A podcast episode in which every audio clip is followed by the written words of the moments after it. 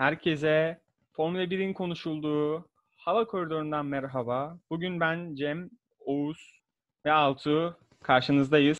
Bugün Formula 1 konuşacağız. Oğuz, Altuğ birer cümle alalım. Herkese Herkese- merhaba arkadaşlar deyip bir YouTube girişi yapalım. Herkese merhaba. Yeni bir podcast'e başlıyoruz. Aslında ilk podcast'imize başlıyoruz. Umarız eğlenirsiniz. Biz de eğlenmek için yapıyoruz zaten. O yüzden hadi eğlenelim diyelim. Bol Egbert Silent'lı, bol kahkahalı. Umarım akıp giden bir podcast olur. Benim de bunların üstüne diyecek pek bir şeyim yok. Genel bir değerlendirme yapalım 2019 sezonu hakkında. İlk olarak Williams'a başlayalım. Ben tek bir cümle edip bırakacağım ondan size. Yani Williams yavaştı. Evet Oğuz başlayabilirsin. Abi üstüne ekleyecek pek bir şey yok. Yani kötü yönetim yıllardır. Son işte bir 5 yıldır Mercedes'in motoruna duyulan yüksek güven ve ondan dolayı özellikle aerodinamideki sıkıntılar Williams'ı bu noktaya getirdi. Yani sonları hayır olsun. Büyük ihtimal satılacaklar ama ben Williams'ı gridde her zaman görmek istiyorum. Muhtemelen Latifi'ler alacaktı diye hatırlıyorum. Umarım takımın adını değiştirmek gibi bir şey yapmazlar. Çünkü Williams ismi bir nebze orada ikonlaşmış. Yıllardan beri şampiyonluklar görmüş, yarışlar kazanmış bir takım. Orada eğer Williams bir şey olarak bile olsa Williams isminin kalması her zaman daha iyi olacaktır diye öngörüyorum. Bir de şöyle bir şey var. Şimdi yıllardır kötü yönetim diyoruz. Takım olarak yanlış şeyler yapmak diyoruz ama Williams tarihte takım olarak iyi işler yapan bir, tak bir takım olarak var oldu. Yani Ferrari'den sonra en çok takım şampiyonluğu alan ekip sonuçta. Yani böyle bir ekibin de gridden silindiğini görmek bütün F1 severleri üzecektir. Ya ben de size katılıyorum. Yani ben Williams'ı çok sevmem çünkü açıkçası en sevdiğim pilot benim Ayrton Senna ve Senna Williams'la yarışırken ö- vefat etti. Ondan dolayı pek biraz soğuktur Williams'a ama yani ya şöyle diyeyim Ferrari'nin bir miti vardır. Tüm Formula 1 belgesellerinde falan zaten bunu görürsün. Ferrari için şey derler. Yarışmak için araba satan takım diye. Yani gridde bunu yapan çok az takım vardır yarışmak için yarış, yarışan ve Williams da bunlardan biri. Zaten ben Williams'ın araba sattığını hatırlamıyorum. Siz daha yol araçlarına benden daha fazla hakimsiniz. Ama yani yarışmak için yarışan takımlar her zaman bu sporda bir yeniliği bulmuştur. Mesela 92-93'te Williams'ın süspansiyonu çok büyük bir yenilikti ve Alain Prost o süspansiyonla iki sene Formula 1'i domine etti. Veyahut 87'den 92'ye kadar McLaren domine etti. Ferrari 2000'lerin başını domine etti ve bu üç takımın da ortak özelliği yarışmak için yarışan takımlar ve yarışmak için yarışan takımlar da ticari kaygı olmadığı için sadece kazanmak için yarışıyorlar. Mesela bugün çok sevsem de takımı Mercedes'in bir ticari kaygısı var. Red Bull'un da ticari bir kaygısı var. Sonra Re- Renault'un da ticari bir kaygısı var ama Williams yıllardır e, kötü yönetim artı yani başarısızlıklardan sonra hep böyle kan kaybetti, para kaybetti ve bunun süre sonunda satılmaya gitti. Umarım hala kalırlar gridde. Yani Williams'tan çok iyi pilotlar da çıkmıştır. Sizin diyeceğine çok ekleyeceğim bir şey yok bunların dışında. Williams zaten hala bir pilot akademisi konumunda ilerliyor gibi bir durumda şu anda. Baktığın zaman Latifi de çaylak bir pilot. Russell da geçtiğimiz yılın çaylağı. İkisi de çok henüz toy pilotlar. Bu sene bu, bu yüzden başarı kazanmaları çok olası değil. Aracın da durumu ortada zaten. Burada Ama şöyle de bir durum var. Lafını balla keserekten Altuğ'cum.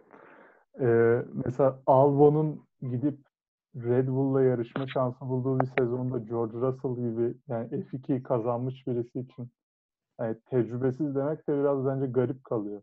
Doğru hani ilk yılı F1'de ama gayet de şans verilebilecek bir insandı. Bir pilottu diye düşünüyorum. tabii ki şans verilebilecek ama kim şans verecek? Baktığın zaman F1'in en iyi pilotlarından iki tane, en iyi 3-4 pilot saydı desem iki tanesi şu anda e, Mercedes'in koltuklarını dolduruyor. Mercedes'in diğer yan takımı diyebileceğimiz Racing Point zaten. Biri adamın kendi oğlu, diğeri de yine sponsorlu yarışan Checo Perez. Onun dışında Mercedes himayesi altında takımı takımı yok gridde. mecburen Williams'ta kalmak durumunda gibi şu anda. Bir yandan. George Ya- Russell. Sana Altuğ katılıyorum ama katılmadığım olan şu Mercedes'in himayesi altında başka bir takıma da gidebilirdi. Mesela nasıl Esteban Ocon Renault'a gittiyse bu sezonun başında Esteban Ocon'un yerine Renault'a gönderebilirlerdi. Veya e, gidip bu teklifi Haas'a yapsalar ne kadar Haas Ferrari ile yakın olsa bile Haas da bence kabul ederdi. Yani Magnussen ve Roman Grosjean'dan bence George Russell çok daha iyi. Zaten sanal turnuvayı da domine etti. Son 4 yarışı kazandı George Russell. Formula 2 şampu- şampiyonu. Ki yani çok güçlü bir çaylak döneminde Formula 2 şampiyonu oldu. Yani Abi George şöyle bir durum var ama yani Haas'la ilgili ben akıl yürütemiyorum artık. Çünkü yani iki sezondur artık Grosjean'ı salsınlar, Magnussen'i salsınlar artık diye bekliyoruz ama hiçbir icraat göremedik. Yani zaten yani Williams için kurduğumuz cümlelerin aşağı yukarı tamamı Haas için de geçerli. Yeni sözü çok iyi bağladın bu arada. Haas'a geçecektim. Peki Haas Evet. hakkında ne düşünüyorsunuz? Haas de bir dilenciden farkı olmayan ne bileyim resmen paramız yok diye ağlamak için çıkmış bir takım durumunda şu anda. Bir, e, baktığın zaman Amerika'daki yarış platformları NASCAR olsun, IndyCar olsun çoğunu domine etmiş bir takım. Şu an F1'de paramız yok, bütçemiz yetersiz gibi sebepler ağlayan bir başkana sahip. Drive to Survive'ın son iki sezonunda en az bir demecinde bizim bütçemiz yetersiz açıklaması yapıyor ki e, Drive to Survive'ın dışına çıktığın zaman durmadan böyle bir demece rastlama ihtimalin var bu adamla. O yüzden Günter'den çok hoşnut değilim. Altuğ bir Haas taraftarı olarak dert yandı. Yandım. İçimde ukde Yani kaldı. ama şimdi bakınca yanmamak elde değil yani. Bir de e, yani başarıya götürecek hiçbir şey göremiyoruz Haas'tan. Kaç sezon oldu artık. Başarı grafiği de inanılmaz aşağı dönük. 2018'i Best of Rest'e yakın bir sonuçla bitirdi. 2019'a Best of Rest olmak için güzel bir başlangıç yapar gibi oldu. Olmadı. Ve oradan sonra tamamen aşağı doğru bir ivme grafik Ya çizdi. başlangıç olarak Avustralya Grand Prix'sinin ilk birkaç turunu söylüyorsan haklısın ama yani olarak onu kastetmiştim. Pit ekibinin takamadığı tekerlekler silsilesi ya. Bir de iki sene üst üste yapamamaları efsane ya. Cidden efsane. Ya peki Abi Haas yani- demişken Haas'ın pilotları hakkında ne düşünüyorsunuz? Mesela Kevin Magnussen yani çok kısa anlatacağım. Bence Kevin Magnussen olamamış bir Max Verstappen. Yani zorluyor, agresif bir arkadaşımız ama yani nasıl diyeyim gereksiz zorluyor ve bir şey yapamıyor. Abi şey gibi adam yani KPSS'de yanlış tercih yapmış gibi bir şey. Anlatabiliyor muyum? Şey böyle canavar kamyon falan sürmesi gerekiyor adamın. F1 arabası değil. Sanki bu adamın kariyerindeki en ikonik anın ilk yarışında podyum yapabilmesi ve başka hiçbir şey yapamaması gibi geliyor bana. Podyum demişken buradan da Roman Grosjean'a bağlayalım. Yani büyük ihtimalle hala Lotus'ta yaptığı podyum yüzünden hala burada. Ve yani Roman Grosjean son olarak şöyle bir açıklama yaptı. 2021'den sonra büyük bir takıma gidebileceğimi düşünüyorum. Bu konu hakkında ne düşünüyorsunuz? Abi o konuda şöyle bir şey düşünüyorum. Bir de Roman Grosjean'ın sendika başkanı gibi bir pozisyonda olma durumu var. Bunu da büyük ihtimalle kullanıyor gibi hissediyorum. Yani çünkü hani yetenek olmadığı ortada. Diyecek bir şey Torpille yok. Yani torpil değil de bir tür lobicilik falan olarak da görülebilir. Şimdi buradan eee iftira atmış olmayalım ama ben Grosjean'ın gridde olmasının için bir neden göremiyorum açıkçası. Abi eğlendiriyor. Ya o doğru. Ama şey yani pisti kocaman bir çarpışan araba pistinden başka bir şeye dönüştürmüyor. Bir kalite de kattığını söyleyemeyiz açıkçası. Abi aslında dediğiniz gibi şöyle bir şey var. Ee, mesela Kevin Magnussen için Altuğ canavar kamyon sürmeli dedi. Abi Roman Grosjean'da çarpışan araba falan dedik. Bu nerenin e, motorsporu kültüründe var? Amerika'nın ve Haas bir Amerikan takımı. Acaba Haas diğer sporlardaki takımlar için bu pilotları deniyor mu diye düşünüyorum artık. Başka herhangi bir açıklama bulamıyorum çünkü. Ya Yani- abi öyle bir şey yapıyorsa kendine dünyanın en pahalı sürücü akademisini kurmuş olabilir. Olabilir. Neyse. Ee, torpil Bir de- demişken Torpil Bir saniye. demişken. Ha, Bu pardon. son bir lafım mı? Bu yanlış hatırlamıyorum değil mi? Ee, Dünyanın en manyak CEO'larından biri Rich Energy'nin CEO'suydu ve bu helikopterle bir yerlere gidiyor falan. Öyle bir olay uzun vardı. Olan abimiz. Çok uzun sakallı abimiz. Sanki bana şey gibi geliyor. Ben manyak bir adamım. Manyak sponsorlar bulmalıyım ve manyak pilotlarla yarışmalıyım gibi bir algısı mı var Haas'ın başındaki birinin? Çünkü Abi bilmiyorum. Ama bu arada Haas için Gene Haas da bu sezon başarı gelmezse Haas'ın Formula 1'den çekilip çekilmeyeceğini tekrar değerlendireceğini düşünüyorum diyor. Abi şimdi 9 takımla çok zevksiz olacağını düşünüyorum ben açıkçası F1'in. Yani 12-13'e gitmesinin bile taraftarıyım aslında. Ya evet hani 2010'ların başında tam kaç takım olduğunu hatırlamıyorum ama 20'nin üzerinde yarışçı vardı.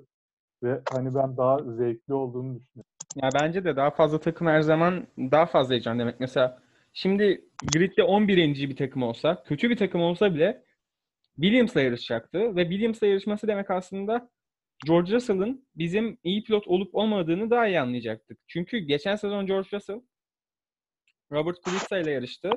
Ve yani Kubica o geçirdiği rally kazasından sonra sol elini tam olarak kullanamıyordu.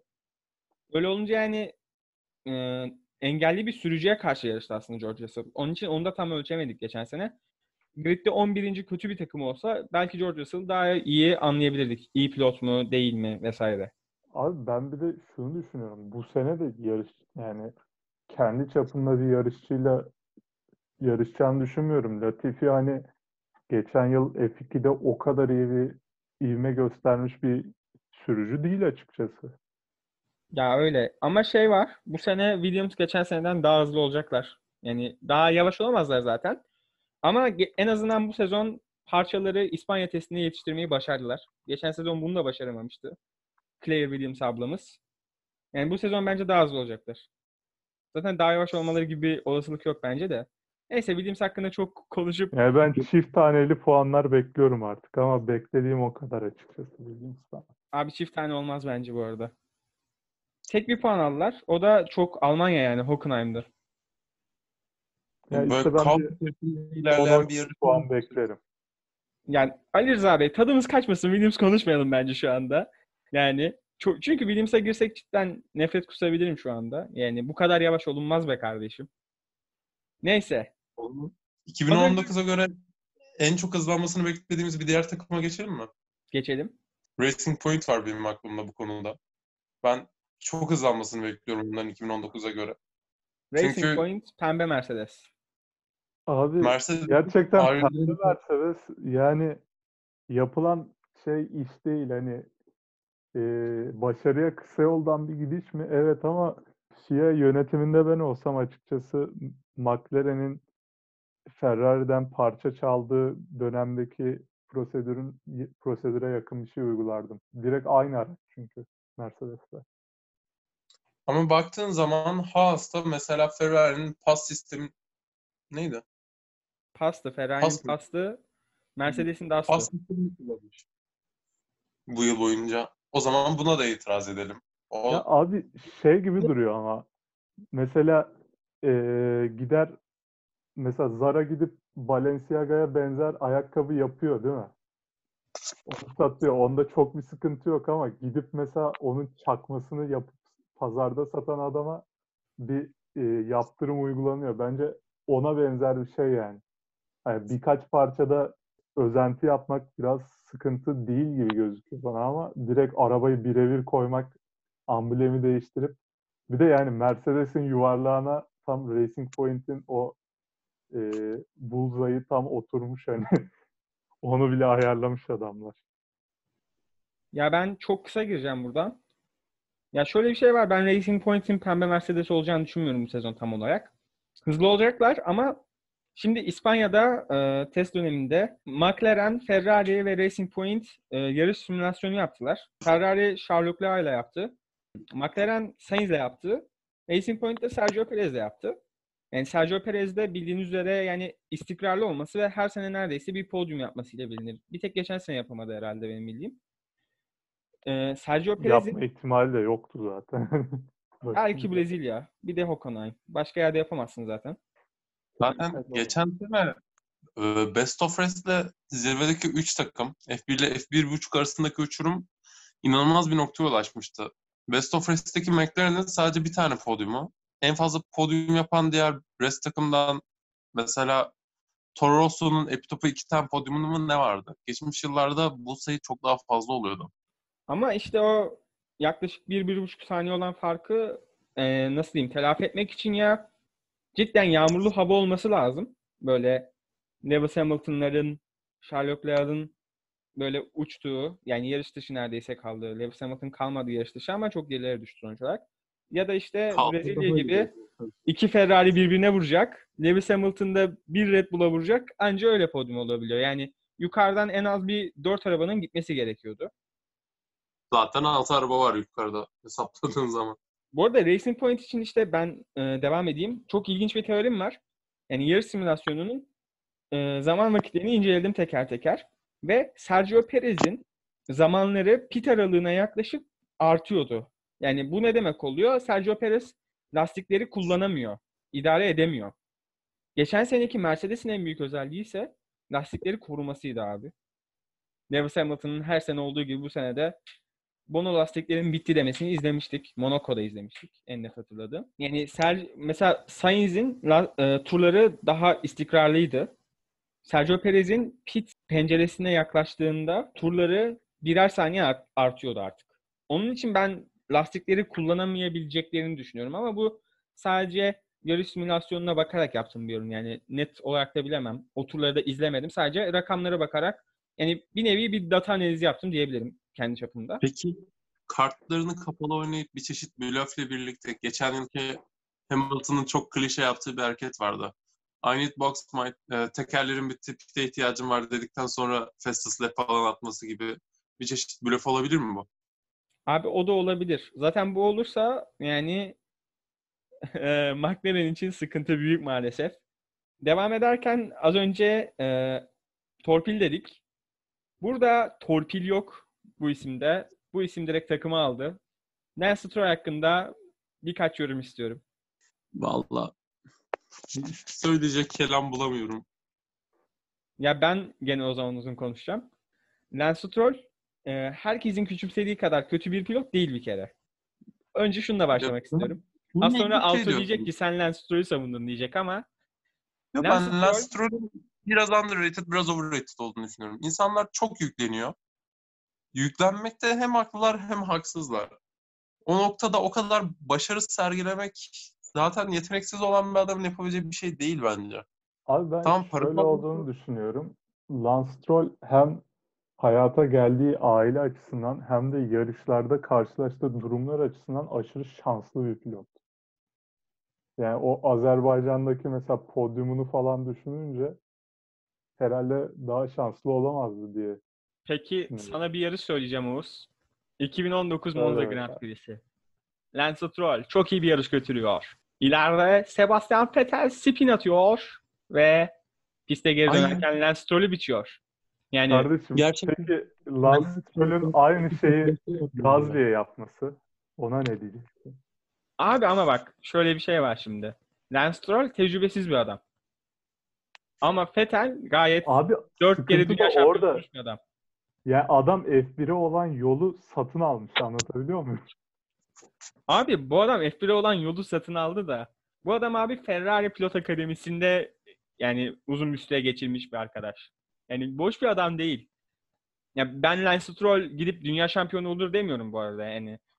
dünya şampiyonu olursa Lance Stroll çok yani ko- ironik olur, komik olur da Lance Stroll'ün bence e, ya belli tip pilotlar vardır. Yani bunun en üst örneği Valtteri Bottas Mercedes'te.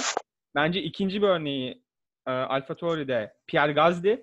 Bence üçüncü örneği de bunların abi Lance Stroll. Çok hata yapmaz. Çok hızlı değildir. E, sıralamaları pek iyi değildir. Aslında Bottas'ın iyi de Bottas en iyileri olduğu için sıralamaları iyi. Sıralamaları iyi değildir ama ne alacağını bilirsin. Yani garantidir ne yapacağı bir nevi. Böyle bir pilot. Arabanın için geçerli aslında biraz da. Yani ekstra bir şey vermez sana ama arabanın da altına düşmez diyeyim. Yani böyle bir pilottur. Yani bence mesela şimdi Carlos Sainz aldı Ferrari. Az sonra konuşacağız onu tabii ki de Ferrari'ye gelince ama mesela Charles Leclerc atıyorum 28 yaşına geldiğinde yanına gayet Lance Stroll alınabilir. Bottas rolü görsün diye. Ya da Gasly alınabilir. Bu tip pilotlar. Yani o açıdan bence değerli bir pilot. Leclerc'in zaten Sainz'ı yok mu sence şu anda? Konuyu değiştirmek gibi olacak ama. Ya onu Ferrari'ye şey gelirken konuşacağız. Binotto'nun da açıklamaları var o konuda zaten. Ben Leclerc'in Sainz olduğunu düşünmüyorum şu anda. Cidden eş pilotlar zaman- olduklarını, eş pilot olarak başlayacaklarını düşünüyorum. Eski Toro Rosso yeni Alfa Tauri'ye bence bir geçiş yapma vaktimiz geldi. Aynen. Yani çok üzerinde durdum Lance Stroll'ün. Ama yani adamla çok yani nasıl diyeyim biraz underrated kalıyordu Alton'un dediği gibi. Ben de yani Lance Stroll aşığı falan değilim ama yani gerçekler var. Neyse Adamın gerçekler var demişken var diye göstermemeliyiz yani. gerçekler var demişken bir torpido gerçeği var. Daniel Kvyat. Oğuz. Gerilerden gelen bir torpido vardır diyerek. Evet Daniil Kvyat.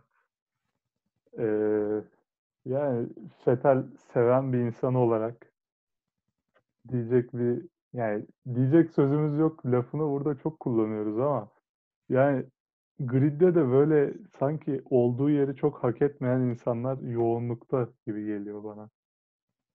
Daniil Kvyat da bence onlardan biri. Gayet yetenekli bir sürücü. Ama verilen imkanları hiçbir zaman doğru kullanamamış bir adam. Ne zaman da umut kesilse bir anda yükselmeye başlıyor. Değişik bir arkadaşımız bence. Altuğ sana dönelim. Sürüş tarzını oldukça sevdiğim ve takdir ettiğim ve taklit ettiğim. Bence tam bir sürpriz adamı ya. Sanki ona böyle senden hiçbir şey olmayacak demişsen arkada o gidip o yarışta ilginç bir sıralama imza atabilecek bir adam. Abi benim mesela Daniil Kvyat'ı sürerken en çok hani keyif aldığım zaman ne zamandı biliyor musunuz? Şey var, Red Bull'un bir tane reklamı var şey, e, bu gidiyor Rusya'da ehliyet alıyor. Oydu mesela. En güzel orada sürüyor bence. Yani baskı altında eziliyor gibi o zaman diyebiliriz. Ya bence baskı altında ezilmek değil de bence hani herhangi bir umut göstergesi koyduğunda rehavete kapıldığını düşünüyorum ben. Aynen o da Ama, olabilir. ama yeni baba oldu. Yani yeni baba oldu derken geçen yılın içinde oldu. Rusya Grand Prix'sinden önce oldu işte. Evet. Yani bunun ona biraz yarayacağını düşünüyorum ya açıkçası. Yavaşlatmaz mı? Sence yavaşlatmaz mı?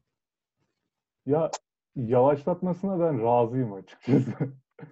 Çünkü Torpidoluk yapmıyor. fiyattaki sıkıntı aynen torpido fazla hızlı olması.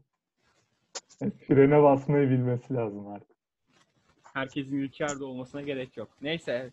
E, bekleneni veremeyen başka bir isim diyelim. Geçen sezon Renault'dan AlphaTauri'ye düştükten sonra bir podyum ve düzenli e, puan aldığı Pierre Gasly. Red Bull'dayken biliyorsunuz Verstappen'den tur yemişti.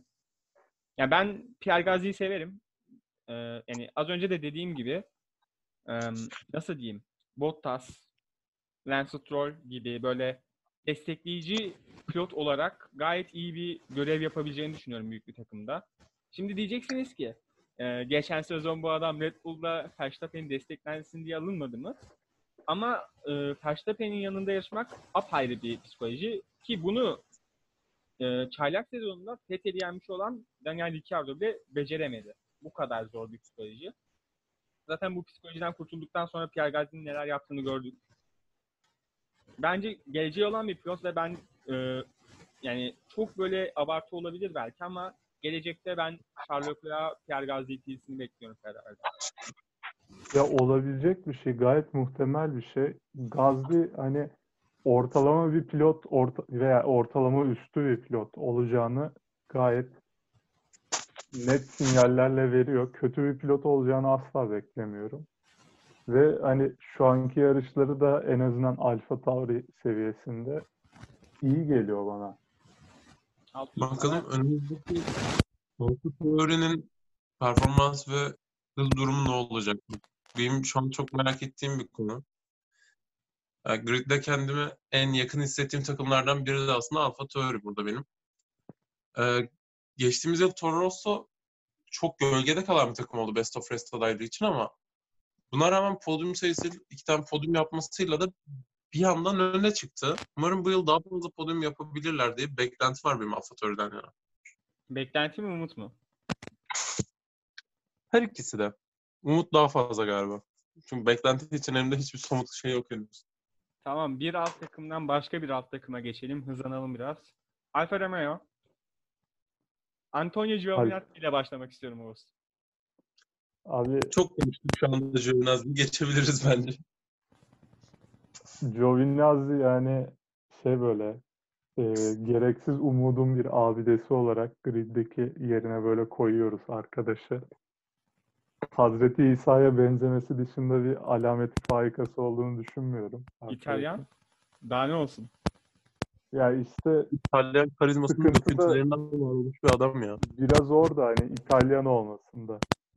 Ona da Evet. gereksiz bir umut bağlandığını düşünüyorum. Ama müthiş yetenekli değil. Yani vasat abi söylenecek tek kelime o adam için. Ya, Vasat'ın anlısı bile olabilir gerçekten. Ya YouTube Umarız bizi şaşırtır. Umarız hani yalancı çıkartır. Çok iyi yarışlar izleriz. Şampiyonluklar görürüz ondan ama hiç sanmıyorum. Yani. Yanlış hatırlamıyorsam Giovinazzi bu sene şey mi başarmıştı? Zirvedeki 3 takım, e, yarış kazanan takımlar dışından bir tam turu lider götürebilen tek pilottu. 7 Böyle tur başarılı lider gitti. Singapur'da. Kaç? 7 tur lider Singapur'da? Singapur'da. Ya şöyle Ama Bunlar böyle ama çok nasıl söyleyeyim size e, uç istatistikler. Anlatabiliyor muyum? Adamın sadece başarılı çıkıyor bu adam. yani böyle datayı didik didik ettiğinde herhalde 20 sürücünün 20'si içinde buna benzer istatistik bulabilirsin. Yani abi bir belki de 2-3 tanesinde bulamazsın ama yani Ya, atıyorum Leclerc'i iyi göstermek istiyorsan adam en çok pol alan adam diye gösterebilirsin. İşte Verstappen için başka bir veri bulursun. Cart curt gider yani. Yani bunun Burada- sonu yok. Sol kolu felçli olan pilotlar içerisindeki en hızlısı da şey çıkıyor buna bakarsan. Kubica Kubica çıkıyor. aynen. Abi bu arada Oğuz'a katılıyorum. Yanlışlıkla lafını kestim. Kusura bakma. Az önce şey e, nasıl diyeyim çok uç bir istatistik. Büyük ihtimalle Serhan Hoca demese zaten hiçbirimiz bilmeyeceğiz bunu. Böyle bir gerçek de var. Yani Giovinazzi'nin YouTube'da şeyleri var böyle. Editleri var böyle. Kazalarında. Çok güzel kazalar yapmış. Yani bir Roman Grosjean'ın seviyesine çıkmasa da Abi kazada ama benim number one'ım Red Bull'a gelince konuşuruz Albon ya. Hani bu kadar çok ön kanat kırmazsın be kardeşim. Bayağı uğursuzluk görüyorum ben Albon'da. Bir başarı var adamda. Ama ne zaman bir podyuma yaklaşsa bir Hülkenberg edasıyla oradan uzaklaşıyor. Gerçekten soğuyorum adamdan. Bu arada Giovinazzi'yi böyle köşeye atmadan Sir Alex Ferguson'dan bir e, alıntı yapmak istiyorum. İstatistiklerle ilgili. E, gönder gelsin. Sayın Alex Ferguson hocamız demiş, istatistikler mini etek gibidir, çok şey gösterir ama asıl görülmek isteneni göstermez diye. Bu durumda bence ortaya çıkıyor yani Giovinazzi'nin durumunda. 7 tur lider götürdün ama kardeşim ne yaptın sen koca sezon boyunca? Peki iki- bir soru olacak. Evet, Mesela Hamilton'ın 6 şampiyonluk kazanması ne tür bir kıyafete benzetebiliriz? efendim Nasıl bir taktiktir bu? alamadım sesini Altuğ'cum bir daha söyler misin? Mesela Hamilton 6 tane şampiyonluk kazanmış bir adam ve bu da bir istatistik. Bu istatistiği nasıl bir kıyafete benzetebiliriz acaba? Kardeşim şimdi yanlış yerlere girmeyelim. Abi bu istatistik Belki rütük falan gelir biliyorsun. bu istatistik istatistiklerin abi nude'udur. Diyeceğim bu kadar. Devam ediyorum. Abi Kimi Raikkonen hakkında çok bir şey demek istiyor musunuz? Yani herkes biliyor Kimi Raikkonen'in ne olduğunu. You know what I'm doing. O adam kesinlikle yani. emekli olmak istemediğini açıklamış geçen. Ve bugün bırakırım yarın gelirim tadında politik bir açıklaması vardı. O Abi gerçekten adam sürmeyi seviyor. Finli adam yani. Araba sürmek için doğmuş. Daha ne yapsın adam? Abi pilot Orada birileri onu istedikçe o adam araba sürmeye devam edecek. Ve ben Raikkonen'i seviyorum yani. Tat katıyor grid'e. Bir de temiz süren bir adam yani. Adamın varlığını yokluğunu hissetmiyorsun ki. Ne zaman Ee, hangimiz duyduk Renault yani? maddiyatları veren pilotlar arasında son ikide miydi? Son üçte mi neydi? Pardon. İlk ikide mi? İlk üçte mi neydi? Ama yani bana çıkarıp şey gösterebilir misin? Hani Raikkonen şu adamı da işte pist dışına itti. Şunu da sıkıştırdı. İşte atıyorum şuna kapıyı kapattı. Çok yani vardır mutlaka adamın 20 yıllık kariyeri var ortada ama çok azdır süre olarak bakınca. Abicim Raikkonen yarış mühendisini sıkıştırıyor. Diyeceğim bu kadar. o doğru canım. Her neyse. Yani Raikkonen'le çalışmak zordur ama yarışmak zevklidir diye düşünüyorum. Abi olabilir. Bir de yani teknik anlamda yaşının ve motorsporu tutkusunun da verdiği bir e, nasıl diyeyim bilgi haznesi sayesinde arabanın gelişimine de olumlu katkı sağlayabilir. Evet o da doğru. Ama Yani her eski ve tecrübeli pilot iyi araç ayarlıyor diye bir gerçek yok. Mesela geçenlerde Schumacher'in çok kötü araç ha- hazırladığı, ayarlamaya çok katkısının bulunmadığı ile ilgili bir şey öğrenmiştim. Ferrari Schumacher'in şampiyon olduğu sene araç ayarlama konusunda bir tane rezerv pilot sayesinde şampiyon olduğunu açık söylemişti. Schumacher'in hangi aracı sürerse sürsün çok güzel olmuş bu gibi çok politik ve hiçbir işe yaramayan yorumlar yapıyormuş test sürüşleri sırasında. Abi Şey- o tamamen pilot karakteristiği ama yani Schumacher'in o konuda yukarı çıkan noktası şeydi yani medya ile arasının çok iyi olmasıydı ama yani hani mesela Vettel şeyi duymuştum mesela bir açıklamasında e, pilot olmazsam makine mühendisi veya otomotiv mühendisi olmayı düşünüyordum gibisinden bir açıklaması vardı galiba. Yani mesela Vettel'in ben sadece o, o açıklamaya bakarak iyi bir araç ayarlayıcı olacağını düşünüyorum. Yani o ilgiyle ve yani karakteristikle alakalı bir durum bence. Raikkonen'i bilemiyorum. Karakter gerçekten burada öne çıkıyor. Burada geçmiş yıllardaki pilotlardan biri eee gerçekten adamın adını unuttum. Hunt değil Lauda mı? ha, Lauda. Lauda'nın bu konuda çok benim hoşuma giden bir sözü vardı. Lauda'yı da unutmazsın be. İsim hafızam yok. Bu konuda herkesten özür dileyim de. Lauda'nın çok meşhur bir sözü var bu araç ayarlamakla alakalı. Tanrı beni yaratırken yeteri kadar beyin ve çok iyi bir kıç verdi. Bu sayede arabada olan her şeyi çok ileri düzeyde hissedebiliyorum diye bir sözü var. Yani bu e, doğal yetenek gibi bir şey çoğu pilot için aslında. Bir mühendis kadar araç, araçla vakit harcayıp ona katkı sağlayabilen pilotlar da var. Geçmiş yıllarda özellikle pilotların daha fazla araçla içli dışlı olduğu ve daha fazla katkı sağladığını söyleyebiliriz çok rahat. Abi bu zaten nasıl diyeyim daha çok daha uzun bir konu yani bu nasıl diyeyim film özeti yapmak gibi olur artık bu konuya girersem de. Niki Lauda'nın zaten Formula 1'de tutunmasının yani tutunmasından daha çok girmesinin en büyük iki nedeninden biri aracı bir saniye hızlandırması abi. Direkt rush izleyenler bilir bunu. Ha, bu arada Raikkonen'le alakalı Ferrari'nin de böyle bir açıklaması vardı yani. O bilgiden de yola çıktım aslında. Bunu da belirteyim.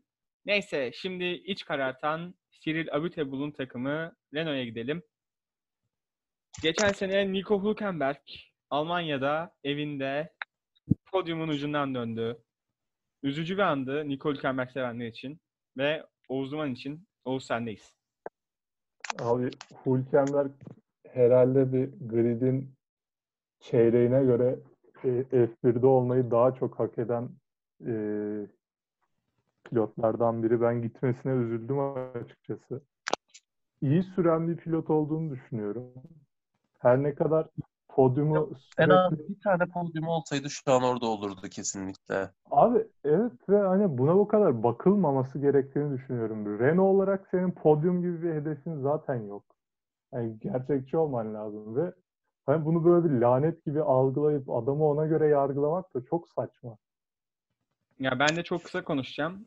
Bu konu hakkında şey Drive to Survive'ın birinci sezonunda işte Hülkenberg e, Amerika'da çocuklarla bir söyleşi yapıyor diyeyim. Bir tane çocuk e, Nico Hülkenberg'e şey soruyor. En iyi sıralaman kaç diyor. Nico Hülkenberg 4 diyor. Ve başını bir öne eğiyor. Çocuk sadece 4 mü yapıyor? Yani aslında Renault bir çocuk aklıyla yönetiliyor gibi şu anda. Bu arada ben Esteban Ocon'u da çok seviyorum. O ayrı bir konu da. Yani Renault'un neredeyse Nico Hülkenberg'le vakti zamanında sözleşme yenileyeceklerdi. Ama Almanya'da o kaçan podyumdan sonra Nico Hülkenberg'i direkt yani takımın dışına attılar bir nevi. Aslında yani buradaki suçlu Nico Hülkenberg de değil tam olarak. Tamam sürüş hataları oldu podyuma yaklaştığında da sonuç olarak Renault da çok iyi yönetilen bir takım değil. Mesela geliyoruz bu noktaya. Daniel Ricciardo çok büyük umutlarla geldi. 30 milyon sözleşme verdin. Red Bull'un elinden aldın. Bu arada Red Bull Renault motor olayında dolayı Renault bir şey oldu işte. Biz geliyoruz, Renault'u zorlayacağız, ay Red Bull'u zorlayacağız bu sezon diye. Böyle sert bir çıkış yapmışlardı ve bu sezonu 5. bitirmeyi başardılar. Cyril Abiteboul'un sayesinde. Daniel Ricciardo hakkında birkaç yorum alayım. Geçen sezonu çok kötüydü bence bu arada. Abi yani yapabileceği bir şey yoktu diye düşünüyorum ben. Hani orta sıralara geldiğimizde cidden hani McLaren'in bir Formula 1.5'tan 1.25'e doğru bir çıkışı olduğu gerçeği vardı geçen sezon. Ama yani Renault'un da hani e, beşinci olmak dışında yapabileceği pek bir şey yoktu. Ricardo'nun da altında düzgün bir aracı olduğunu hiçbir yarışta düşünemedik. Ya ama şöyle bir olay da var. Ben biliyorsunuz ben Ricciardo şu an gridde en sevdiğim 3 pilottan biridir. Çok severim ama yani net sürüş hataları da yaptı. Özellikle o, o Kvyat'ı Azerbaycan'da biçmesi yani çok nasıl diyeyim acı bir an yani. Geri geri gelip Kvyat'a vurması çok kötü bir andı. Sonra o ilk yarışta Avustralya'da evinde Melbourne'de yani yolun dışına çıkıp kanadı kırması. Daha 10. saniyesi Abi ama hiç belli olmayan bir hataydı yani. Orada izlerken ben şaşırmıştım zaten. Garip bir durumdu yani. Çok da sürücü hatası olduğunu açıkçası düşünmüyorum Aran. Ya Yani bence bilmiyorum. Çok zorladı orada. Ricardo doğru kötü bir sezon geçirdi. Ama yani zaten bir anda sudan çıkmış balığa dönmüştür Renault'a gittiğinden itibaren. Ferrari ile görüşüyordu. Ricardo'nun. En büyük zorluklarından biri artık gridde şampiyonluğa oynayabilen bir araçta değil, sadece iyi bir sıralama yapmanın bile başarılı olabileceği bir takımda olduğunu kavraması oldu. Altındaki araç bir yıl öncesinde griddeki en iyi sıralamalardan yapıyordu. Yarış kazanmışlığı vardı. Birkaç yıl öncesinde şampiyon olan pilotun hat- e, hatta şampiyon olan pilotun bile sürdüğü araç oydu. Ama yakına geldiğimizde artık altında podyuma bile çok zor oynayabilen bir araç var ve buna adapte olması gerekiyor. O aracın gelişmesinde rol oynaması gerekiyor. Bu gerçekten bir pilotun yaşayabileceği en büyük dramlardan biridir diye tahmin edebiliyorum. Ve üstelik geçen yıl Hülkenberg vardı. Bu yıl üstelik Esteban Ocon'a abilik yapması gibi bir görevi de olacak gibi öngörüyorum. Bu nasıl başa çıkacak bu süreçte bu tamamen Ricardo'nun psikolojisinin vereceği bir savaş. Abi Ricardo demişken yani buradan McLaren'e geçeceğim tabii ki de. Ricardo'dan bence bu sezon Esteban Ocon abilik beklemiyorum. Çünkü Renault'la bağları koptu gibi. Renault'un özellikle Abutebul'un yaptığı açıklamalar. Yani yok sadakatsizmiş, yok şeymiş. Abicim sen adama iyi araba vereceğim dedin. Vermedin. Sen dürüstlükten nem vuruyorsun ama sen de dürüst değilsin Abutebul kardeşim.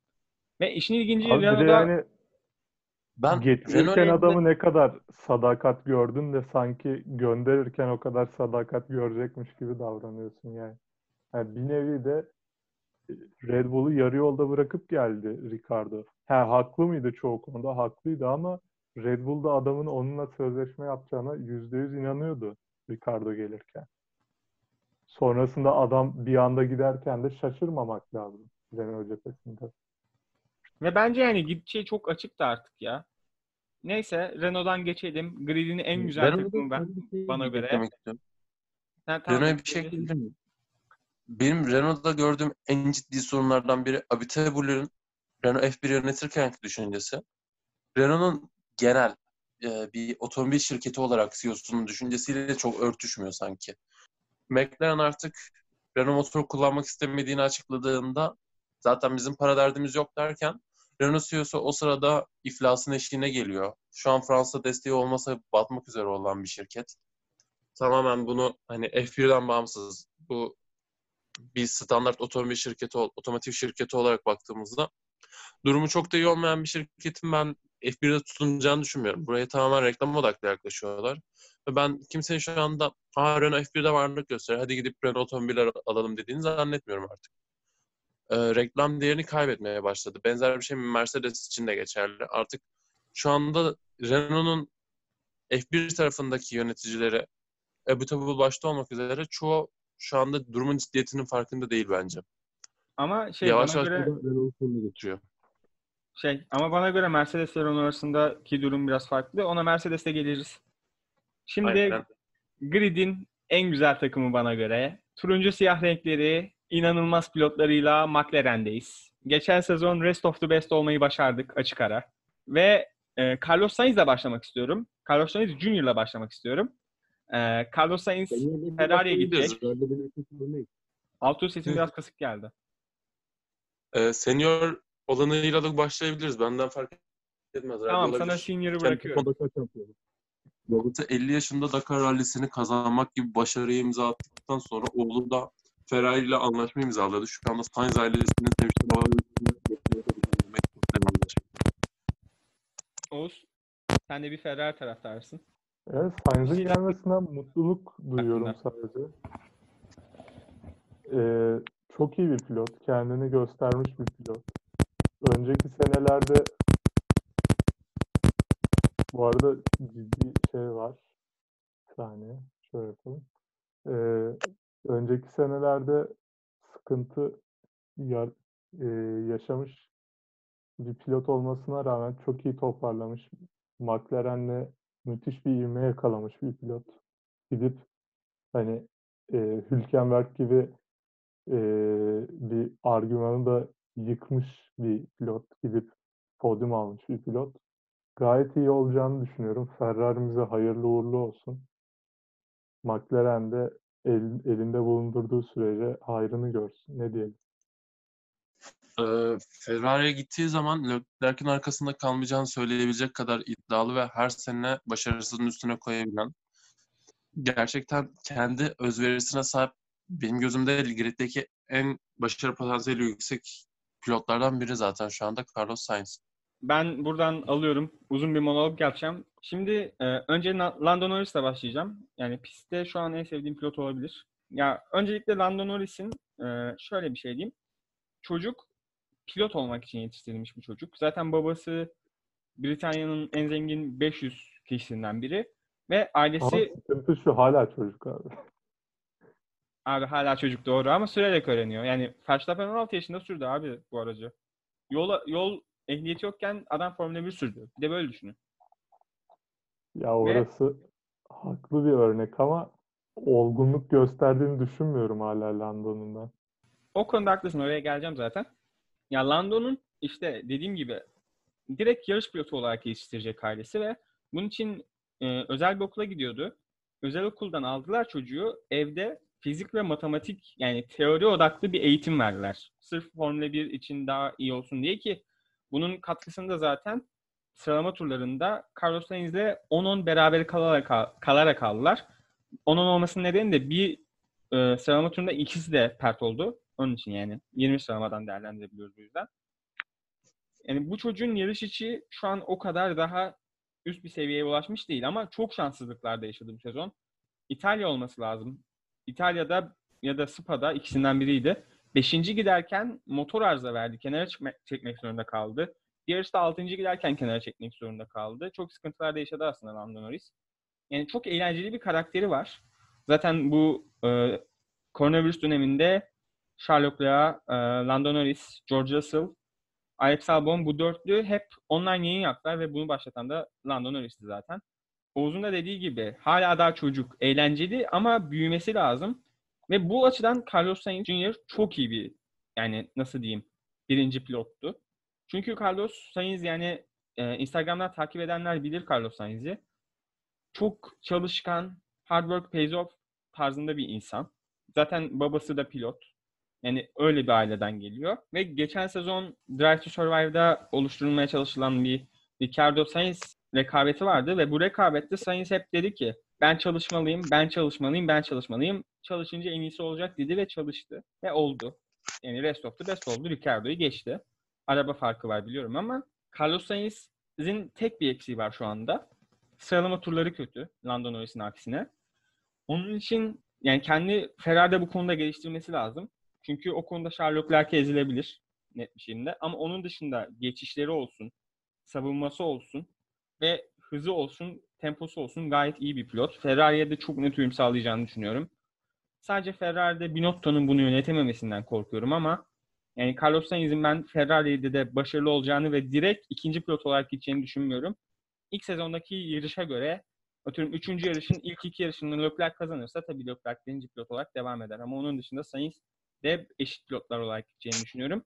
Ve Ricardo eklemesi hakkında da konuşacağım son olarak bu son cümlem. Ee, McLaren'de Ricardo gelecek. Benim tek büyük bir korkum var Ricardo ile alakalı. Pilotluğuyla herhangi bir korkum yok. Ama Lando Norris gibi nasıl diyeyim biraz eğlenceli, gevşek birinin yanına Ricardo gibi eğlenceli ve gevşek biri gelirse Lando Norris'in e, pilotsal gelişimi biraz sekteye uğrayabilir. Bundan korkuyorum. Yani Carlos Sainz çok iyiydi onun yanına. Ben de çok iyi anlaşacaklarını düşünüyorum tam tersi. Yani bir Raikkonen'den daha fazla yakışacağını hepimiz tahmin edebiliyoruz şu anda. Bir gridde Raikkonen'le Lando Norris'i aynı kare içerisinde ben görmekte bile zorlanıyorum şu anda. Ama diğer tarafta Ricardo'ya baktığımızda e, Norris'e karakter olarak en yakın adamlardan biri. Kendiyle dalga geçebiliyor, çevresiyle dalga geçebiliyor, espriler yapıyor. Abi Ee, oynama yaptığı konusunda- partide hiç bitmez. Böyle bir gerçek var. Burada size hava koridorunuzdan gelip şöyle bir örnek vereceğim. NBA'de en son Golden State ile Minnesota arasında bir takas oldu. İlgilenenler bilir. Mesela D'Angelo Russell e, Minnesota'ya gitti ve Carl Anthony Towns D'Angelo Russell'ın hem aynı draft yılın yani klasında olup hem de çok yakın arkadaş olduğu bir insan. Ama Kaan Kural'ın da dediği gibi ben de böyle düşünüyorum. Bu iki isim de oynamak için oynayan insanlar ve bunlar sanki lay lay lom şeklinde geçip savunmayı vesaire salabilirler. Yani tabii basketbolda Formula 1'in dinamikleri çok farklı da. Yani dediğiniz gibi Lando Norris ile Ricardo çok iyi anlaşırlar bence de.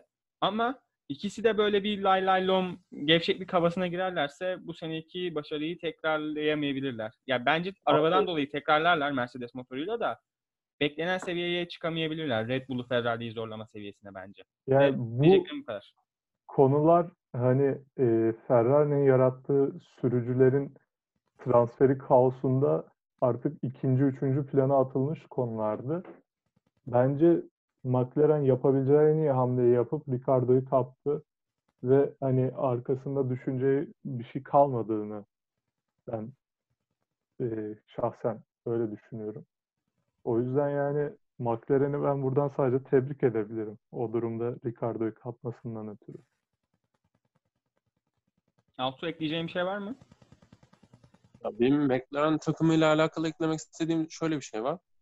Ee, bir iki cümle önce şey demiştik. Ee, altında daha iyi bir araba olmasının da faydasıyla Renault'un önündelerdi dedik.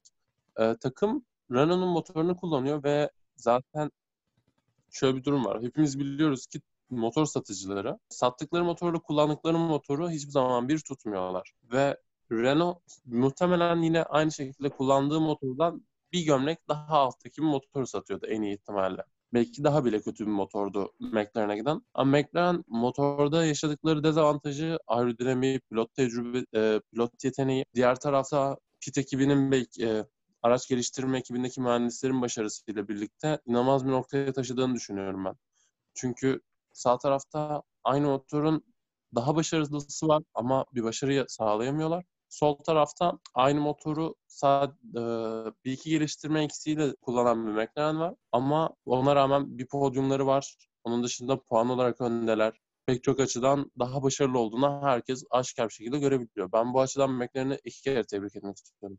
McLaren'dan şimdi üçüncü takım Red Bull'a geçelim. Red Bull hakkında ben çok kısa konuşacağım. Benim çok tutmadığım bir pilot var aslında orada. Verstappen'i ben şahsen çok beğenmiyorum. Aslında sürüş stilim Verstappen'e benziyor. Ben de manyak sürüyorum ama Verstappen hakkında ne düşünüyorsun Oğuz? Verstappen hakkında ki, yani çok yetenekli, kesinlikle yatsınamaz bir şekilde. Belki de gridin en yeteneklisi diyebileceğimiz bir isim. Ama gerçekten de kirli sürüyor ve e, yani, yani şu dönemde olmasak çoğu pilotun hayatını tehlikeye atıyor diyebilirdim. Hala da attığını düşünüyorum ama yani o kadar bir derecede değil. Bir ölüme maazallah sebebiyet vereceğini düşünmüyorum ama gerçekten de büyük tehlikeler yaratıyor sürerken. Zaten Avusturya'da Leclerc'i çileden çıkarmıştı. Sonrasında Silverstone'da o da onun gibi sürmeye başladı ama e, yani e, yine de grid'e önemli bir seyir zevki kattığını düşünüyorum. Ve önü gayet çok açık. Özellikle Leclerc'le ileride bir Schumacher Hakkinen savaşı göreceğimizi düşünüyorum ve bunu sabırsızlıkla bekliyorum. Artur sendeyiz. Verstappen hem pistin içinde hem pistin dışında anlık agresyonu çok yükselebilen bir pilot. Bunu Esteban Ocon olayında görmüştük. Adamı boğazlama noktasına kadar sinirlenebilen ve e, pist olaylarını diğerleri gibi hayatının dışında değil, direkt hayatının odak noktasında yaşayan bir adam. Bu yüzden pistte de pistin dışında da durmadan agresyonu yüksek, durmadan saldıran, bir yerlerden başarıya ulaşmaya çalışan biraz yırtık bir pilot aslında. Onun alameti farikası da bu. Daha ön plana çıkmak için ve yarışlarda öne geçmek için hırsını, agresifliğini kullanan biri. Bu konuda da aslında takdiri hak etmediğini söylemek ya- yalan olur aslında. Ya Ya abi şey böyle hani bölüm sonu canavarı o şey rolünü üstleniyor. Mutlak kötü rolünü üstleniyor ama iyi de iş çıkarıyor açıkçası. Zaten o rolü üstlenmek için iyi iş çıkarmak her zaman gerekiyor. Ve Red Bull'un geleceği bir hani Verstappen'i kaybetmediği durumda 10-15 yıl garanti şu anda. Verstappen hakkında son olarak şunu diyeceğim. Ya Verstappen biraz ucu keskin bıçak bir pilot. Şöyle yani e, taraftarlar açısından diyorum. Max Verstappen Bottas gibi bir pilot değil. Bottas'ın çoğu kişiye Bottas'ın bakışı nötrdür. Ama Verstappen'i ya seversin ya da hiç sevmezsin. Yani bu bakış açınla alakalı değişir. Yani ben sevmeyen taraftan taraf- ta- taraftayım açıkçası ama yani çok yetenekli olduğu yatsınamaz. Ama bir yanını çok takdir ediyorum ama bu yanını çok abarttığı için sevmiyorum. Adam kazanmak için yarışıyor. Mesela online yarışlarda Verstappen hiç yarışmadı. Bunun tek bir nedeni var. Online yarışta F1 motoruna uyum sağlayamamış F1 oyununun. Başka bir oyun vardı. Adını unuttum şimdi. Ona sağlamış. Onun iRacing'tir muhtemelen. Olabilir. F1'de kaybedeceksem niye yarışayım deyip yarışmadı. Adam kazanmak için yarışıyor aslında. Ama bence kazanmak için her şey mübah olmadığı için çok sevdiğim söylenemez ama Albon hakkında da birkaç söz etmek isterim ben. Albon geçen sezon bence çok inanılmaz bir sürpriz yumurtaydı Red Bull adına. Yani bir anda AlphaTauri'de bir boş koltuk var hemen birini bulalım diye aranırken Albon'u aldılar. Formula E'den çekip aldılar. İmzalamıştı Formula E'de Alexander Albon orta sıra tak- bir orta sıra takımıyla ama e, Toro Rosso'yu aldılar geçen sezon. Gayet iyi bir performans gösterdi. Bence Red Bull'da da devam ettirdi. Gözü kara bir yeri. Verstappen gibi. Verstappen kadar abartı değil ama gözü kara onun da. Umarım Verstappen'in yediği bir pilot olmaz. Aynı Ricciardo ve Gasly gibi. Başka diyecek bir şeyiniz yoksa Ferrari'ye geçelim. Geçelim canım Ferrari'ne. Makine Tamam Rossa. şimdi gelmiş geçmiş Formula 1'in en başarılı takımı, dünyanın dört bir yanında taraftarları olan İtalya'nın milli takımı diyebileceğimiz Ferrari'ye geçiyoruz. Oğuz Duman sana bırakıyorum. Abi canım Ferrari'm şimdi konuşurken bile duygulanası geliyor insan. Ee, yıllardır alınamayan şampiyonluk bizi ne kadar üstse de özellikle Leclerc gibi kendi sürücü akademimizden yarattığımız bir sürücümüzün olması ve de Binotto'nun ikinci yarıda az buçuk olsa toparlamasıyla yeni sezona girerken umudumuz var. Her ne kadar denemelerde çok çok iyi bir performans gösterememiş olsa da Ferrari'nin.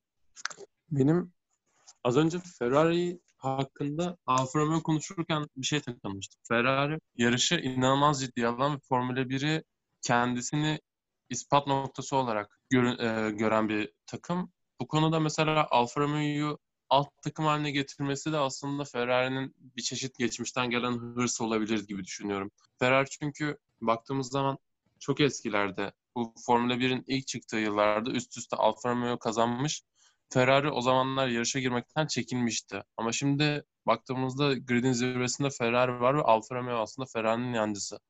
Ferrari her zaman en iyi olmayı kafaya koymuş bir takım ve buna rağmen son yıllarda hiçbir zaman zirvenin tek hakim olma noktasını başaramadı. E, Bir ara Red Bull, sonrasında McLaren, e, Mercedes, öncesinde McLaren, Mercedes durmadan Ferrari'ye hedefinden uzak tuttu ama Ferrari hep şerefli ikincilik gibi bir adım geride kalması bence e, eski şanını kaybetmesi anlamına geliyor benim gözümde. Çok bu da Ferrari üzüyor. Bakalım ne kadar daha dayanabilecek ve orada ne yapacak? Burası benim için önemli bir merak konusu. Abi Ferrari F1'in batmaz çıkmaz tek takımı olarak görüyorum. Yani başarı eninde sonunda gelecek bir şey. Özellikle hani Ferrari hayranı olarak hani benim buna inanmam normal bir şey bence ama yani gerçekten rasyonel bakınca da öyle düşünüyorum. O bütçeyi herhalde uzun bir süre daha çarçur edemeyecekler ve zaten yeni gelen kurallarla da daha efektif bir e, sarf edişle o parayı daha güzel işler yapacağını düşünüyorum artık Ferrari'nin. Ben sözü Oğuz'dan alayım şimdi. Ya az önce de an, anlayacağınız üzere ben McLaren'i destekliyorum ama Ferrari cidden bu sporun Oğuz'un da dediği gibi batmaz çıkmaz bir takımı. Yani şöyle bir algı var aslında. E, Formula 1'i iki kurum yönetir. Bir FIA, bir de Ferrari. Ferrari Yalan. Ya Neyse. Hakemler kurulunu demiyorum. Genel olarak diyorum mesela şimdi. Ferrari atıyorum Mercedes bir spordan çekiliyoruz bu lafı yapabilir. Belli bir ölçüde dikkate alırlar ama Ferrari bir spordan çekiliyoruz dediği anda FIA o karardan direkt döner büyük ihtimalle. Böyle bir şey Yani, ama şöyle de bir şey var. Mesela bu sene yaptıkları IndyCar'a geçmeyi düşünüyoruz blöfünde. Ya blöf olduğu çok açıktı ve ben gördüğümde haberi direkt gülmeye başladım zaten. Bir yerden sonra da işe yaramıyor gibi bence. Sana bir şey diyeyim mi? Bence IndyCar'a geçecekler bu arada. Oraya değineceğim şimdi. Başlıyorum. F1'i bırakıp bir geçiş düşünülemez yani. Ha, aynen F1'e bırakıp Ferrari. geçiş düşünülmeyecek zaten bence de. İnanılmaz Abi- büyük bir blöf aslında ya. Ya ben şöyle başlayacağım o mevzuya. Aslında bu mevzu e, 2021'de başlayacak. Bütçe sınırlamasıyla geliyor. Takımlar araçlarını geliştirmek için belli bir bütçe verecek ve bunun üstüne herhangi bir takım çıkamayacak. Ve bence Ferrari IndyCar'ı ya da e, Kanada-Amerika yarışını, Türkçesini tam olarak bilmiyorum. e, o yarışlara katılıp orayı daha çok geliştirme amaçlı kullanacaklar. Ve orada geliştirdikleri ve Formula 1'e olan yani Formula 1'e adapte olmuş yenilikleri Formula 1 takımına bütçeden düşmeyerek getirecekler bence. Onun direkt amacı o. Yani Formula 1'den tabii ki çekilmeyecekler. Binotto'yu hain ilan ederler İtalya'da ama bu konu bence böyle. E, pilotlara gelelim. Geçen sezonun bence tartışmasız en iyi pilotu Charles Leclerc'di. Neden Charles Leclerc'di? Yani Lewis Hamilton şampiyon oldu. Verstappen olduğunu düşünüyorum. Her ne kadar Ferrari'ci olsam da. Yani öyle de düşünebilirsin. Ama benim açıklamam şu. Ben tabii Verstappen hakkında nasıl diyeyim objektif olamıyorum. Sevmiyorum adamı çünkü. Yani mesela Ferrari'yi de sevmem o kadar ama Ferrari hakkında daha rahat objektif olabilirim. Charles Leclerc ilk geldiğinde ilk başında oldu zaten. Kötü bir sonuç Avustralya'da. Ama ondan sonra e, Bahreyn'de olsun, diğer yarışlarda olsun dört kere dünya şampiyonu olmuş iyi kötü. Fethel'i geçti. Net bir şekilde. Sıralamalarda da geçti, yarışta da geçti. Yani Bahreyn'de Fethel'in arkasındayken ben ondan hızlıyım dedi. Binotto'ya bir yani ayar verdi direkt bir nevi. Ve Fethel'in yanından basarak geçti Leclerc. Yani hem çok hızlı hem çok hızlı öğreniyor. Az önce Oğuz demiştin. Avusturya'da Verstappen hani küçük direksiyonu e, sola çevirerek lastik lastiğe dirsek yapıp geçti ya Leclerc'e. Evet. Ondan sonra işte Silverstone ya da e, Macaristan'da olabilir. Aynısını da Silverstone'da. Silverstone'da Leclerc yaptı abi. Adam çok hızlı öğreniyor ve kendini çok geliştirmeye odaklı bir pilot. Ben Leclerc'in gelecekte dünya şampiyonu olacağına da inanıyorum. Lewis Hamilton gibi domine edeceğine de inanıyorum. Yani çok bence tavanı yüksek bir pilot. Benim Ee, Leclerc'le ilgili pardon sözünü bitir de öyle söyle. Yok yok söyle söyle. Leclerc'le ilgili gördüğüm tek sıkıntı şu. Yani qualifying'de böyle tek başına kaldığında müthiş işler çıkaran zaten aldığı 7 poldü galiba. 7 polden gördüğümüz kadarıyla yani gridin en iyisi olan bir pilot. Ama ben yarış içinde gerçek araçlarla karşı karşıya kaldığında biraz dikkatinin dağıldığını düşünüyorum. Bunu da aşmak için biraz sadece tecrübeye ihtiyacı var. Onu da zaten yarıştıkça elde edecek ve ileride gridin e, dominant en iyi pilotlarından biri olacağına ben kendim açıkçası eminim. Ya ben de sana katılıyorum bu arada. Onu yarışarak elde edecek ve Leclerc'in başka büyük bir problemini de söyleyeyim. Aşırı övdüğüm adamı. Biraz ım, dengeleyeyim. Lastikleri çok iyi kullanan bir pilot değil. Ama bunu da O da ama yine tecrübeyle ilgili. Aynen o da tecrübe işte. Yani adamın aslında temel e, pilotluk, pilotaj anlamında çok büyük bir sıkıntısı yok görünen şu anda. Hem sıralamada iyi, hem geçişte iyi, hem savunmada iyi bir pilot ve hızlı öğrenen bir pilot. Bir tek tek eksiği tecrübe zaten Ferrari'de geçen sezon Haas'a kiralamaya çalışmış. Ama Günther Stein'a demiş ki yok kardeşim ben Roman Grosjean'da devam edeceğim demiş. Ee, ondan sonra Charles Leclerc'i Ferrari almak zorunda kaldı bundan sonra da. Sauber'de tekrar bir sezon daha yarıştırmak istemediler. Abi tek eksiği adamın tecrübe ve bunu Ferrari'de o baskıda yaşaya yaşaya, hızlı öğrene öğrene geliştireceğini düşünüyorum ve sonuç olarak birinci pilot olan dört kere dünya şampiyonu olmuş. Seversiniz, sevmezsiniz, beğenirsiniz, beğenmezsiniz ama Sebastian Vettel de ilk senesinde geçmeyi başardı. Ve buradan konuyu da Adamı Sebastian Vettel'e bağlayacağım. zaten. Sebastian Vettel dört kere dünya şampiyonu olmuş. Büyük bir pilot. Hep aynı şeyleri söylüyor gibi duruyorum ama yani bunu belirtmek istiyorum. Ama geçen yıl cidden kötüydü. Yani o Monza'da attığı spin hele hele büyük bir nasıl diyeyim çok büyük bir başarısızlıktı kendi adına. Genç Ferrari pilotu pole almış. Sen dörtten başlıyorsun. Mercedesleri geçmen gerek. İtalya orası. Ferrari'nin ana vatanı. Ama gidip saçma sapan bir spin. Ondan sonra zaten çok gerilere düşüyor. Sonra tekrar ceza alıyor. Tekrar ceza alıyor. İki ceza alıp bitirdi. Puan alamamıştı diye hatırlıyorum. Ama onun dışında da çok iyi geçirdiği yarışlar da vardı Sebastian Vettel'in. Hem dediğim gibi az önce aslında Verstappen gibi keskin bıçak bir sezon geçirdi Vettel'de. Mesela Singapur'daki sürüşü inanılmazdı. Leclerc yakalayamadı Vettel'i. Veya bu- Abi ben Singapur'dan çok Spa'yı bu sene yani altını çizmek istiyorum.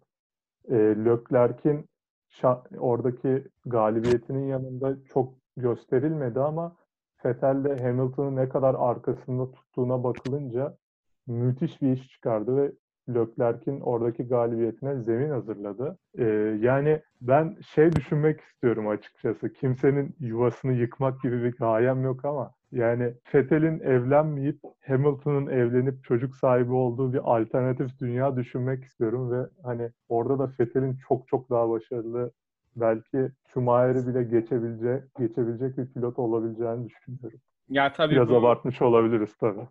Evet, sen pek abartı da diyemem aslında. Bunun çok farklı açıları da var da neyse.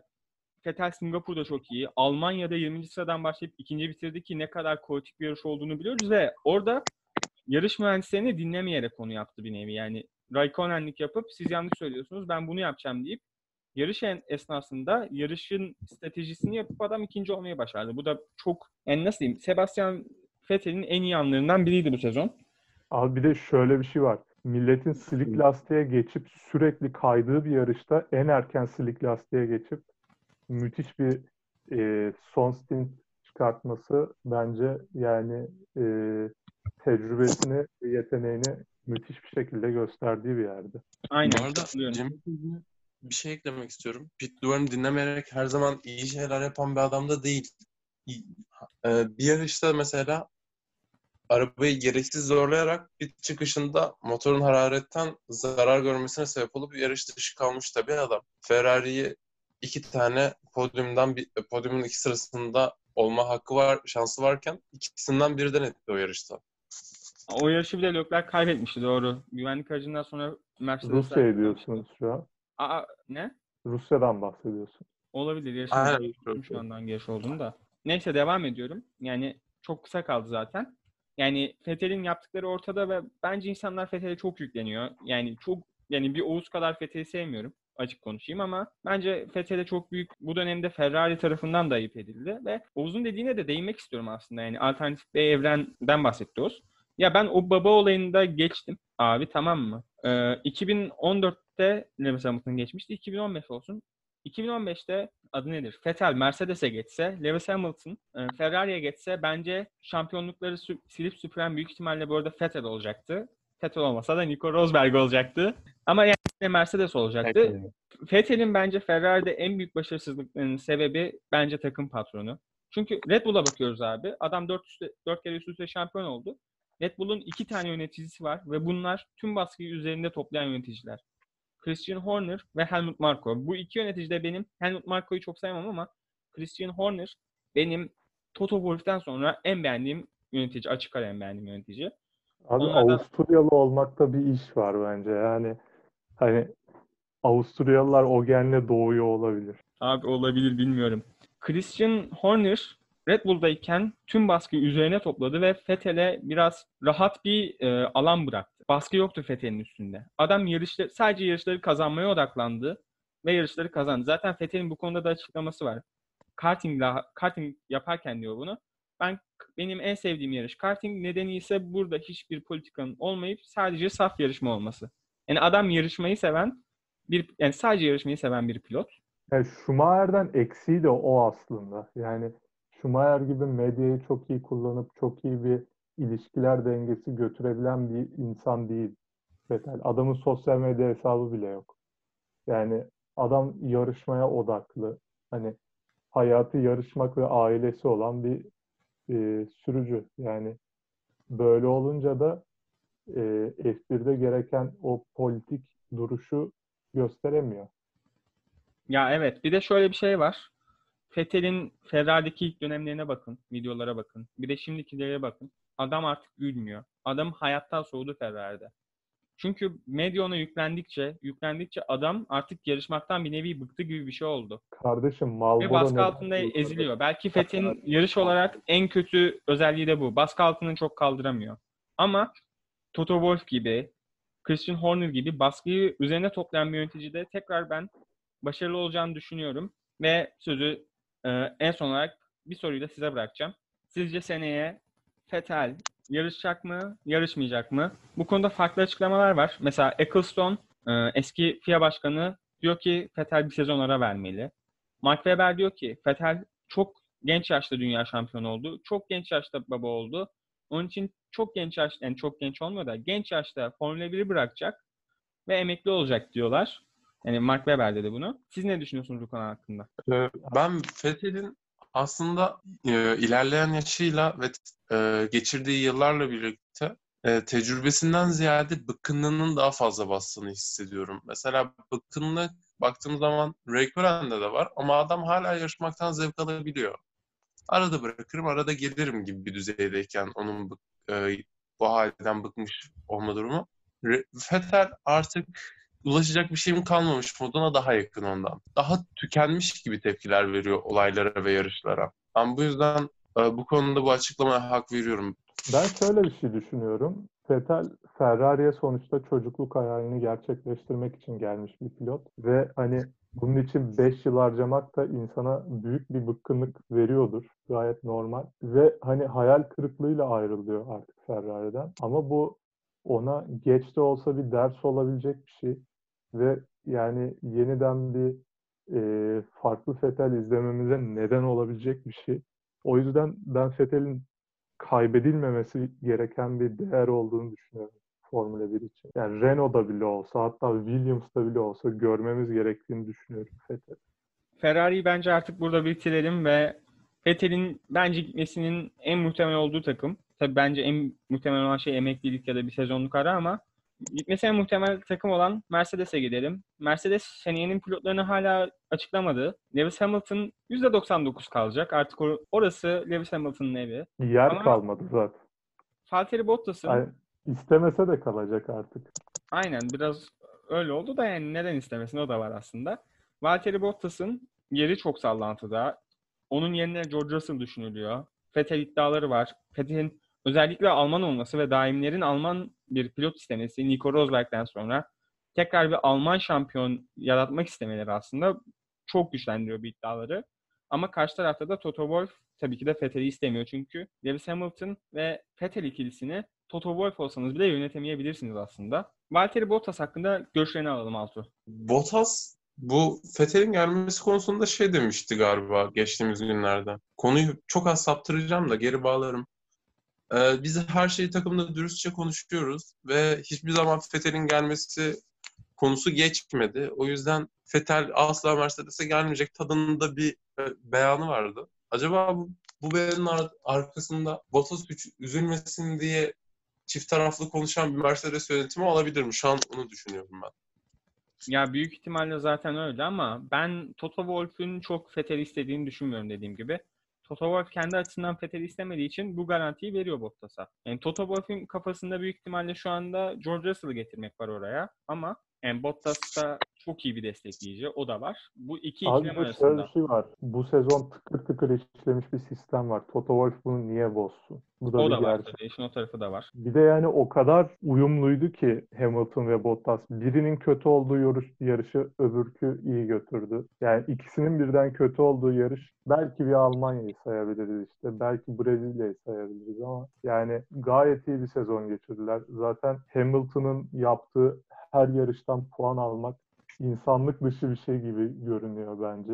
Yani e, ben Toto Wolff'un yerinde olsam birebir aynı davranırdım. F1'in 2021 düzen şu an korona sebebiyle 2022 ertelendi. 2022 bütçe düzenlemeleriyle birlikte Mercedes durumundan çok hoşnut olmayacak. Bütün harcama planları bütün şu anki bonkörlüğü üzerine kurulu bir takım. As, e, bu onların F1.5 gibi bir takıma düşmesine bile yol açabilir öngörümde. Çünkü altyapıları ne kadar yeterli olursa olsun çok para harcamaya alışmış bir takım. Az parayı ne kadar iyi değerlendireceğini bilmiyorum. Bir McLaren kadar ya da bir e, Toro Rosso kadar az parayı değerlendirmeyi bilmiyorlar benim gözümde. Bu da onların önümüzdeki dönemde eski formlarını kaybedebileceği ihtimalini bende doğuruyor. Bu da aslında onların pilot seçimini bile etkileyebilir. Belki George Russell'ın gelip takımda birinci pilot dahi olabileceği bir seçenek var.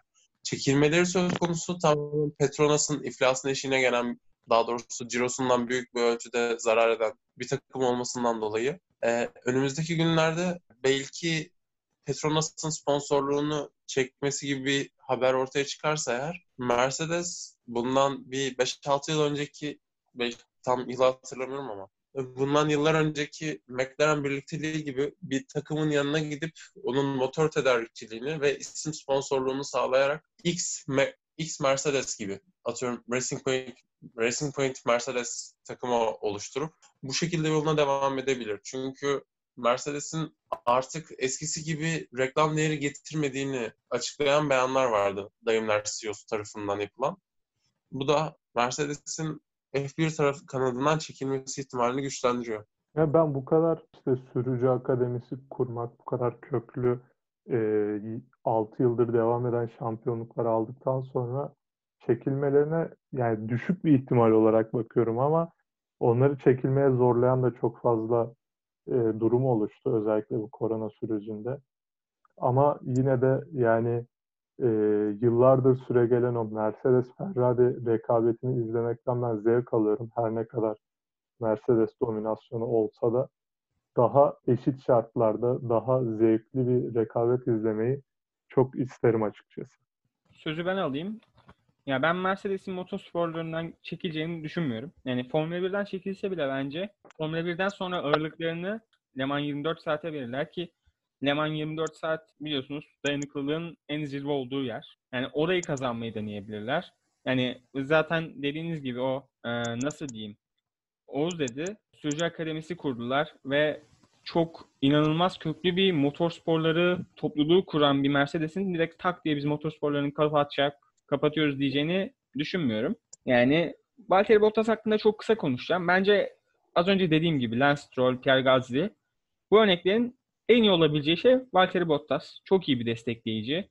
Yani daha iyi bir destekleyici bulacağını düşünmüyorum Mercedes. Ama dediğim az önceki dediğim nedenlerden dolayı Vettel'i de getirebilirler. O ayrı bir mesele.